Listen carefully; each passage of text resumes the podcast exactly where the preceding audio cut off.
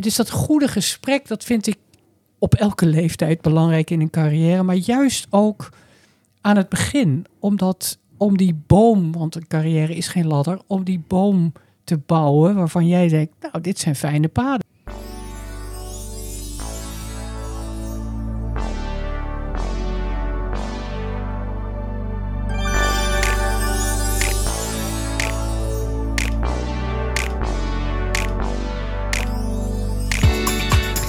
Welkom bij deze nieuwe podcastreeks van Academic Transfer Arbeidsmarkt 2030. In deze reeks nemen we je mee in de laatste visies en trends over de toekomst van de arbeidsmarkt. Voor deze eerste aflevering hebben we vandaag twee gasten. Allereerst welkom Marjolein ten Hoonte. Jij bent auteur van het boek Kunnen we het even over werk hebben en je bent directeur arbeidsmarkt en social, societal impact bij Randstad Services. Ook welkom aan uh, Anneke Kastelein. Jij bent de promovenda aan het Leidse Universitair Medisch Centrum. En op dit moment ben je ook voorzitter van het Promovendi-netwerk Nederland. En dat kennen we allemaal als PNN. Ehm, in deze eerste aflevering bespreken we met jullie de visie op de arbeidsmarkt van de toekomst. En dat proberen we te koppelen aan uh, de toekomst van jonge onderzoekers. Ik ben Audrey Peters, ik ben de host van deze podcast en bij Academic Transfer ben ik verantwoordelijk voor het uh, ontwikkelen van innovatieve recruitment services samen met onze leden. Nou, voordat we een beetje de diepte ingaan, zou ik eerst iets meer over jullie uh, zelf willen horen. Um, Anneke, kun jij iets meer vertellen over jouw rol bij PNN? Ja, bij PNN ben ik uh, voorzitter. En PNN is de belangenvereniging voor en door Promovendi. En wij houden ons bezig met belangen in de breedste zin van het woord, met arbeidsvoorwaarden, maar ook bijvoorbeeld met sociale veiligheid. En we denken ook na over de volgende stappen van Promovendi. Dankjewel. Uh, Marjolein, jouw rol bij Randstad is best een bijzondere. Ik weet dat al, maar onze luisteraars nog, iets, nog niet. Zou je daar iets meer over kunnen vertellen? Ja, het is een bijzondere. Ik ben vrijgemaakt om mij louter met ontwikkelingen in de wereld uh, bezig te houden. Die, die van invloed zijn op maatschappij en daarbinnen de arbeidsmarkt. Dus ik kijk naar op welke manier uh, hebben mensen, organisaties en het institutioneel speelveld te maken met die ontwikkeling en hoe kunnen we ons voorbereiden op de toekomst? Ik wilde eerst even iets uh, aan jou vragen, Marjolein, met name over uh, het boek uh, Kunnen we het even over werk hebben. In dat boek bespreek je de veranderende aard van werk en de manier waarop we ons werk benaderen. Um, wat zijn volgens jou die belangrijkste veranderingen die we de afgelopen jaren hebben gezien? Nou, de allerbelangrijkste verandering is niet alleen dat wij um, over verdwijn- en verschijnwerk als, als gevolg van technologische ontwikkelingen spreken. Maar dat we ook ons moeten realiseren dat uh, technologie en alles wat daarmee samenhangt, ook de manier waarop we arbeid organiseren, um, uh, doet veranderen. En dat het gegeven dat wij allemaal ouder worden, maakt dat we langer willen werken. Dus dat we ons af moeten vragen: wat doe ik dan? Wanneer? Hoe lang? Uh, dien ik me nog uh, uh, bij te scholen? Dien ik me om te scholen? Dus het zijn andere vragen dan nu, waarbij je zegt van ik ga ergens werken. Bij de opleiding is gedurende mijn hele carrière voldoende en daarna stap ik een keer uit. Dat ja. is sterk aan het veranderen op de huidige arbeidsmarkt en zal naar de toekomst toe nog veel belangrijker worden. Ja, en um, als je nou kijkt naar uh, hoe wij daar in Nederland mee bezig zijn in vergelijking met andere uh, landen, hoe, hoe, doen wij het dan? Zijn we daar heel hard mee bezig met dat nadenken over hoe dat moet in de toekomst? Of? Ja, we, we denken ons uh, suf, denk ik. We schrijven ons ook suf. Er is veel advies over, de WRR, rapport Borstlab enzovoort enzovoort. Wat we moeilijk vinden is om het ook daadwerkelijk in praktijk te gaan brengen.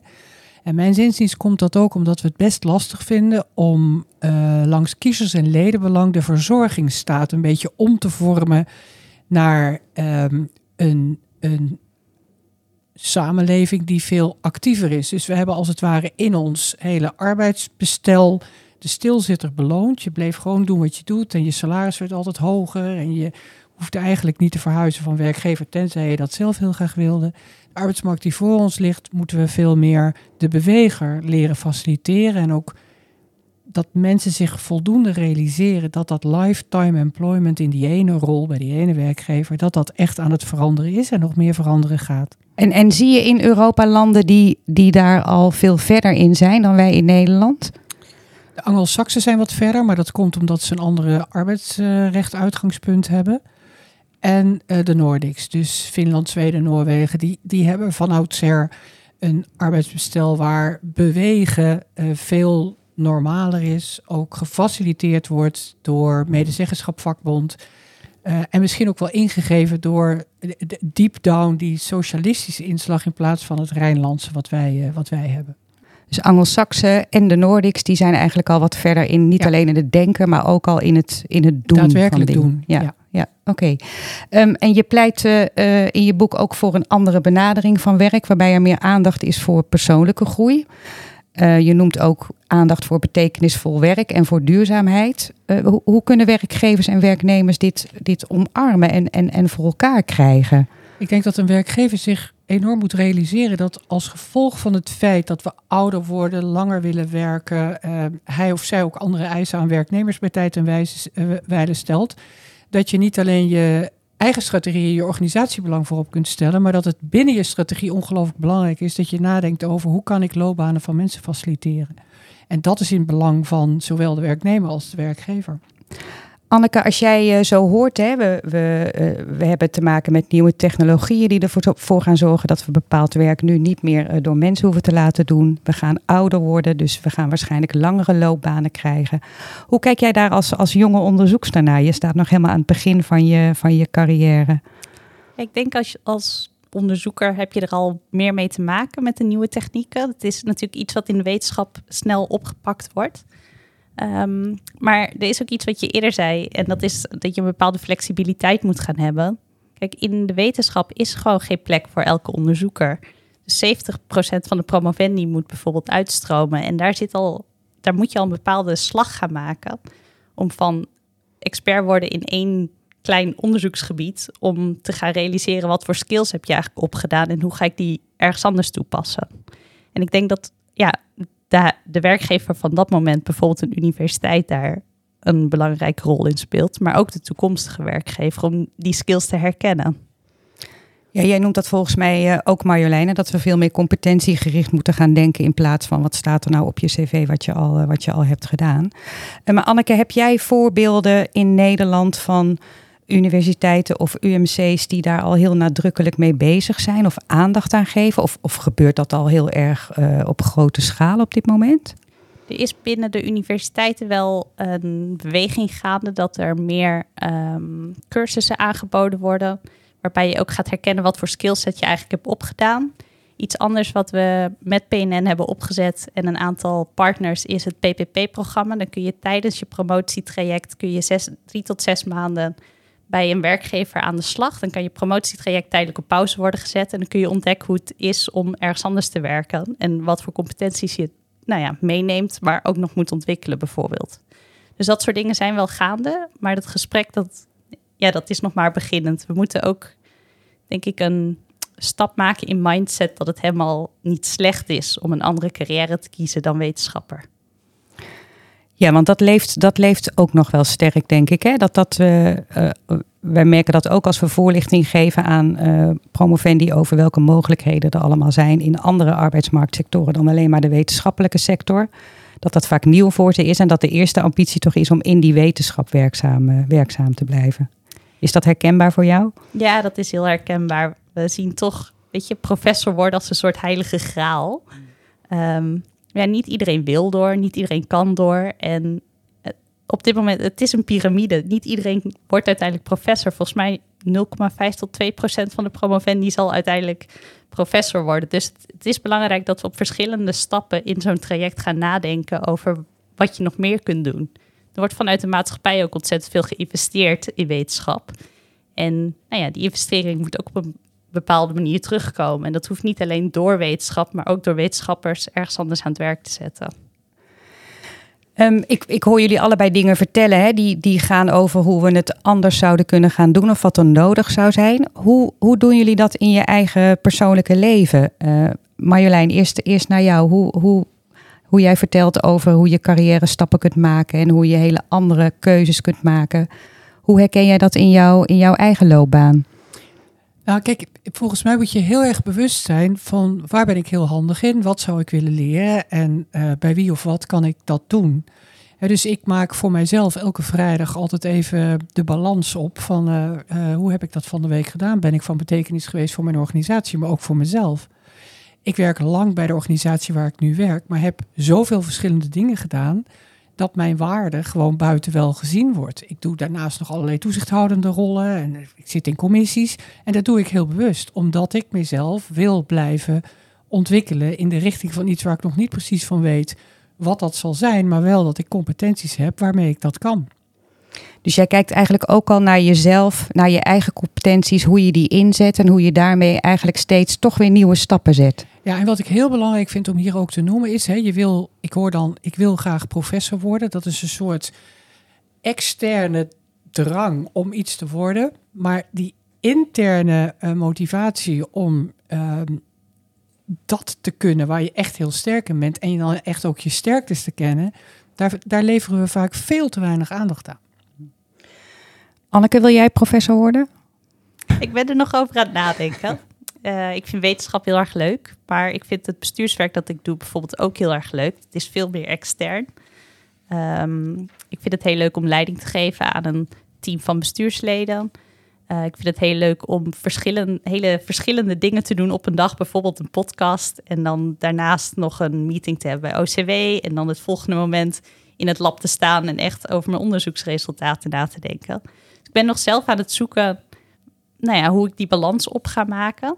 Um, het is denk ik ook niet nu al een keuze die ik moet maken, gelukkig. Uh, maar het is wel iets waar ik mee bezig ben en, en bewust ook al wel voordat ik mijn proefschrift inlever. En, en wat ontdek jij zo over je eigen competenties als je die verschillende rollen noemt die, uh, die je eigenlijk nu al vervult, behalve je promotieonderzoek? Als ik erover nadenk is, uh, kijk bij promotieonderzoek doe je al best wel wat competenties op, zonder dat je het doorhebt. Je moet best wel strak projectmanagement doen. Je zit in een, uh, je, zit, je staat altijd onder tijdsdruk. Binnen vier jaar zit je van start tot een boekje, hoop je. Um, je moet veel communiceren met je professor en um, bijvoorbeeld op conferenties presenteren.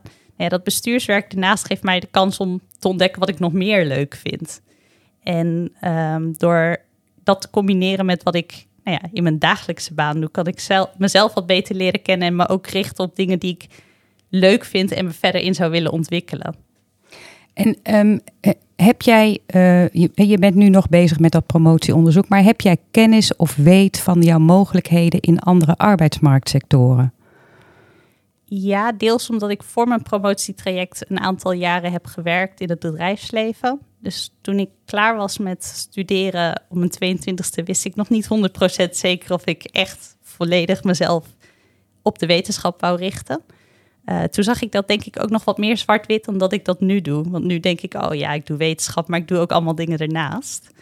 Uh, maar toen heb ik een aantal jaar in het bedrijfsleven gewerkt. En wat ik daar leuk aan vond, ik heb een traineeship gedaan bij ABN AMRO, is dat er heel erg werd gekeken naar, oké, maar wat kun je al? Welke skills heb je? En dan leren we je de rest wel. En met die mindset is het ook makkelijker om als promovendus te denken, oké, ik doe ik weet heel veel van een heel specifiek onderwerp. Dat is misschien ergens anders niet meer van toepassing. Maar ik heb ook andere dingen geleerd die elders wel van toepassing zijn.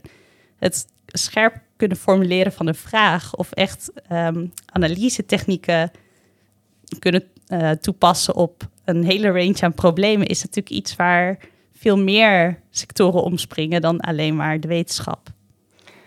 Um, en, en, en Marjolein, is dit een, een mindset die we nodig hebben voor de toekomst als je Anneke zo hoort praten? Ja, ik zou bijna iedereen gunnen dat je nadat je bijvoorbeeld afgestudeerd bent, eerst eens een tijdje gaat werken en dan besluit, uh, ga ik promoveren of niet? Um, omdat je dan ja, die twee werelden uh, zo goed kunt verenigen en denk ik ook veel beter inziet wat nou de ene wereld aan jou toevoegt en de andere wereld. En dat, ja, dat is iets dat, dat gun je iedereen. Die, dat verkennen en dat. Uh, we hebben natuurlijk. We zijn geneigd om ergens te blijven, omdat we denken, nou ja, dan is dat salarishuis, dat kent een laddertje en alles blijft zoals het is. En, maar zeker vroeg in je carrière kun je ook nog heel goed verkennen en, en om je heen kijken. Dus dat, ja, dat zou ik iedereen gunnen. Mits je wel, en dat hoor ik jou doen, je goed realiseert wat leer ik dan? En waar ben ik handig in? En wat zou ik nog willen leren? En, en dan weer verder te meanderen en te kijken waar dat dan kan en hoe je dat zou willen uitvergroten. En, en is dat nou voor iedereen weggelegd dan, zo'n manier van denken of van uh, meanderen uh, door verschillende functies of arbeidsmarktsectoren? Ja, ik zou het ontzettend mooi vinden als mensen in ieder geval zouden durven uitspreken wat hen weerhoudt. He, dus, dus op het moment dat je weet wat je weerhoudt, dan kun je daar op een goede manier over in gesprek. En dan kun je ook iets maken wat bij jou past. We zijn geneigd om het allemaal heel eenvormig te doen. En iedereen moet dan op dezelfde manier uh, naar een management traineeship. Of dat hoeft helemaal niet. En wij hebben bij ons ook onderzoekers werken die zeggen: Ja, ik heb academisch gewerkt. Ik werk hier nu met ongelooflijk prachtige data. En ja, het is voor mij het beste uit twee werelden. En over vijf jaar zie ik wel weer. Dat kan ook. En, en hoe, hoe zouden we dat dan kunnen organiseren? Dat we, dat we mensen zover krijgen dat ze zich ook durven uitspreken. En, en dat ze dan ook een, een soort klankbord hebben. Uh, ja, of advies kunnen krijgen over uh, wat ze zouden kunnen doen of kunnen ondernemen. Ja, de, ja hoe zouden we dat kunnen organiseren? ja, dat, dat, daar kun je, daar kun je um, een dienst voor oprichten. Hè? Zeggen van nou ja, daar hebben wij mensen voor die mensen en organisatie in onze organisatiesbedrijven. Dat gaat over het goede gesprek. En het goede gesprek is best lastig te voeren. En het goede gesprek kan confronterend zijn. En het goede gesprek geeft misschien een antwoord op iets wat je niet wil horen. dus als iedereen hoogleraar wil worden, professor, en je zegt, nou ja, in jouw geval is dat toch misschien een wat minder goede keuze.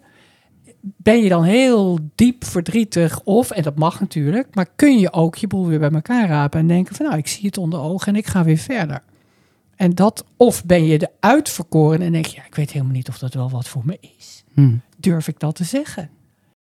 Het is dat goede gesprek, dat vind ik op elke leeftijd belangrijk in een carrière, maar juist ook aan het begin, omdat om die boom, want een carrière is geen ladder, om die boom te bouwen waarvan jij denkt, nou, dit zijn fijne paden. Vertel eens over die boom, hoe, hoe zie jij dat? Nou, een boom vertakt zich. Hè? Dus een boom kent allerlei koppelpuntjes van takken waarvan je denkt, nou, Ga ik nog even weer terug naar het bedrijfsleven of niet? En hoe ziet mijn netwerk er dan uit? En heb ik die connecties of heeft iemand anders dat voor mij? En even zo'n zo'n oprecht gesprek met jezelf ook. Van, van is het dit? En, en wie ken ik die me daarin zo, uh, zo verder kunnen helpen? Ik denk ook dat wetenschappers zich moeten realiseren dat het hebben van een goed netwerk, wat niet alleen een wetenschappelijk netwerk is, heel belangrijk is. Een netwerk wat iets voor jou kan doen en andersom. En daar, uh, ja, dat, dat, dat wordt wel eens vergeten in de bovenmatige focus die er natuurlijk gevraagd wordt van zo'n, van zo'n promotietraject.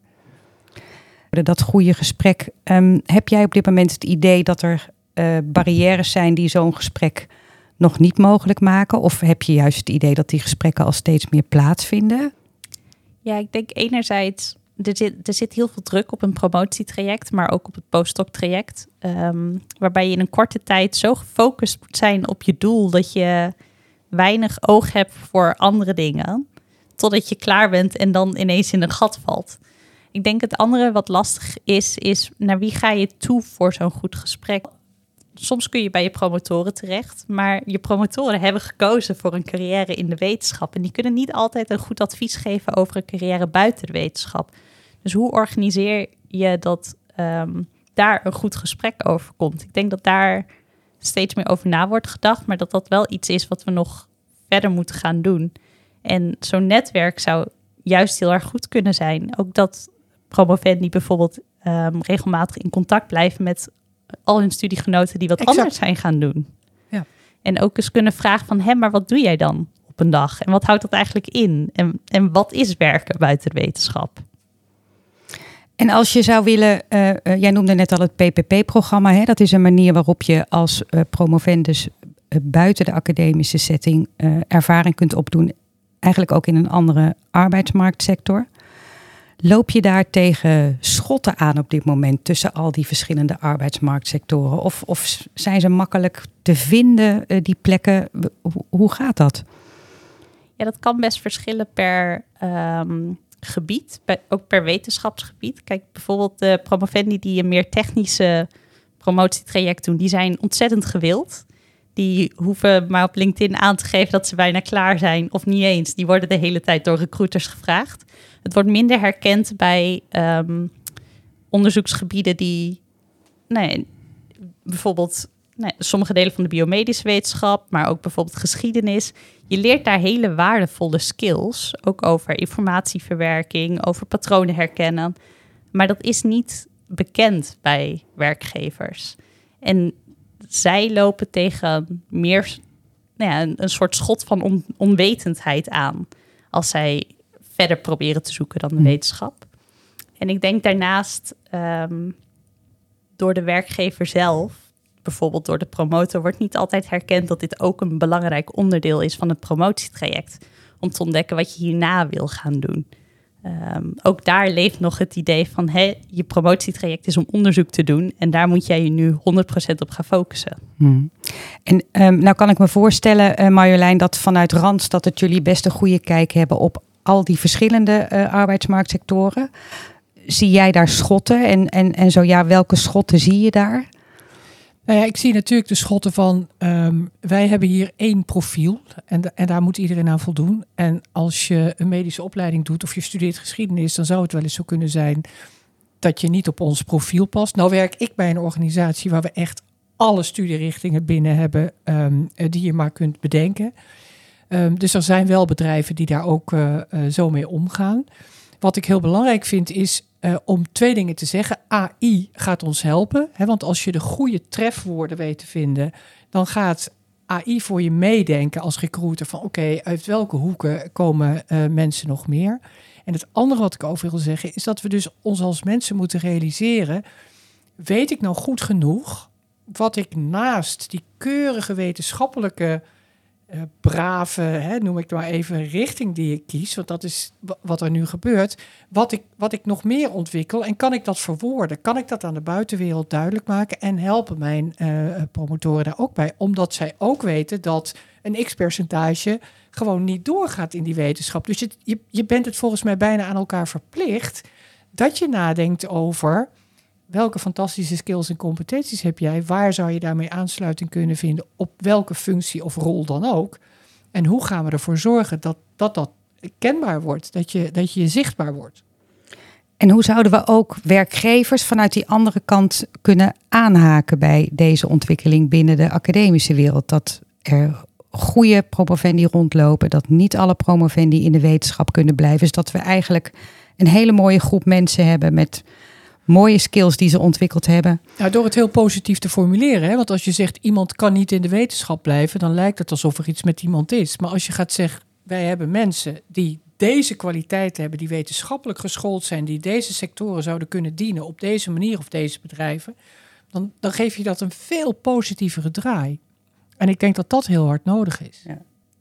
Ik, ik wilde nog even een ander onderwerp eh, aansnijden. Als we op een wat hoger niveau kijken naar eh, die toekomstvisie en wat we daar mogelijk allemaal eh, voor moeten zouden veranderen.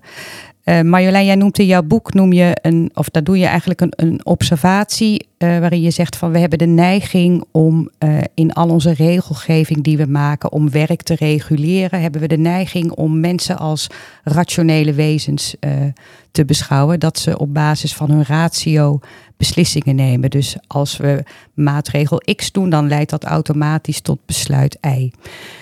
Daar ben je het niet mee eens dat, dat het zo werkt. Nee. Ehm, hoe, hoe kijk jij daarnaar? Wat, wat, wat is er nodig om, om te voorkomen dat we bij alles wat we bedenken misschien weer in eh, die aanname stappen? Ja, wetenschappers vonden dat er sprake is van een rationaliteitsparadox. Hè? En, het, en het beste voorbeeld is dat, dat, en dat is misschien niet helemaal op, op deze doelgroep van toepassing, maar wel dat als iemand een uitkering heeft en je biedt hem een tijdelijke baan, dan ziet diegene dat niet zozeer als eh, daar kan ik ervaring op doen en misschien verder komen, maar dan moet ik mijn zekerheid verlaten. Dus laat ik die uitkering nog even behouden. En er zijn ongetwijfeld in deze omgeving ook voorbeelden te verzinnen van keuzes die mensen moeten maken, van waar wij hier aan tafel zeggen, nou rationeel zou je dit moeten doen, maar die paradox treedt op omdat je denkt, ja wacht nou eens even, is dat nou wel slim? Moet ik dat nou wel doen?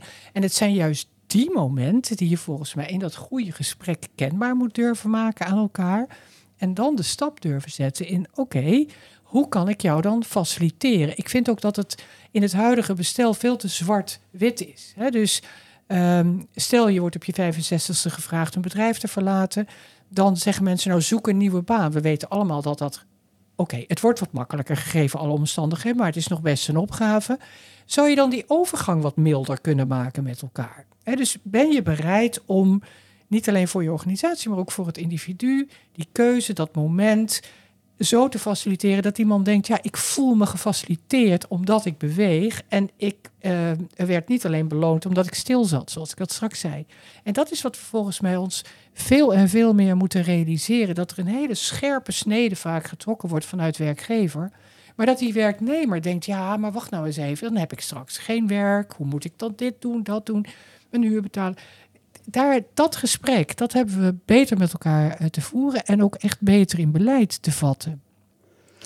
En lopen we dan het risico als we het weer in beleid gaan vatten, dat het dan toch weer iets algemeens krijgt? Of hoe, hoe wil je daar de, uh, de ratio beperkt houden, bij wijze van spreken. Nou ja, je kunt nadenken over, hè, Borstlab doet er ook voorstellen toe van als je nou eens een wat hogere WW-uitkering doet, maar korter.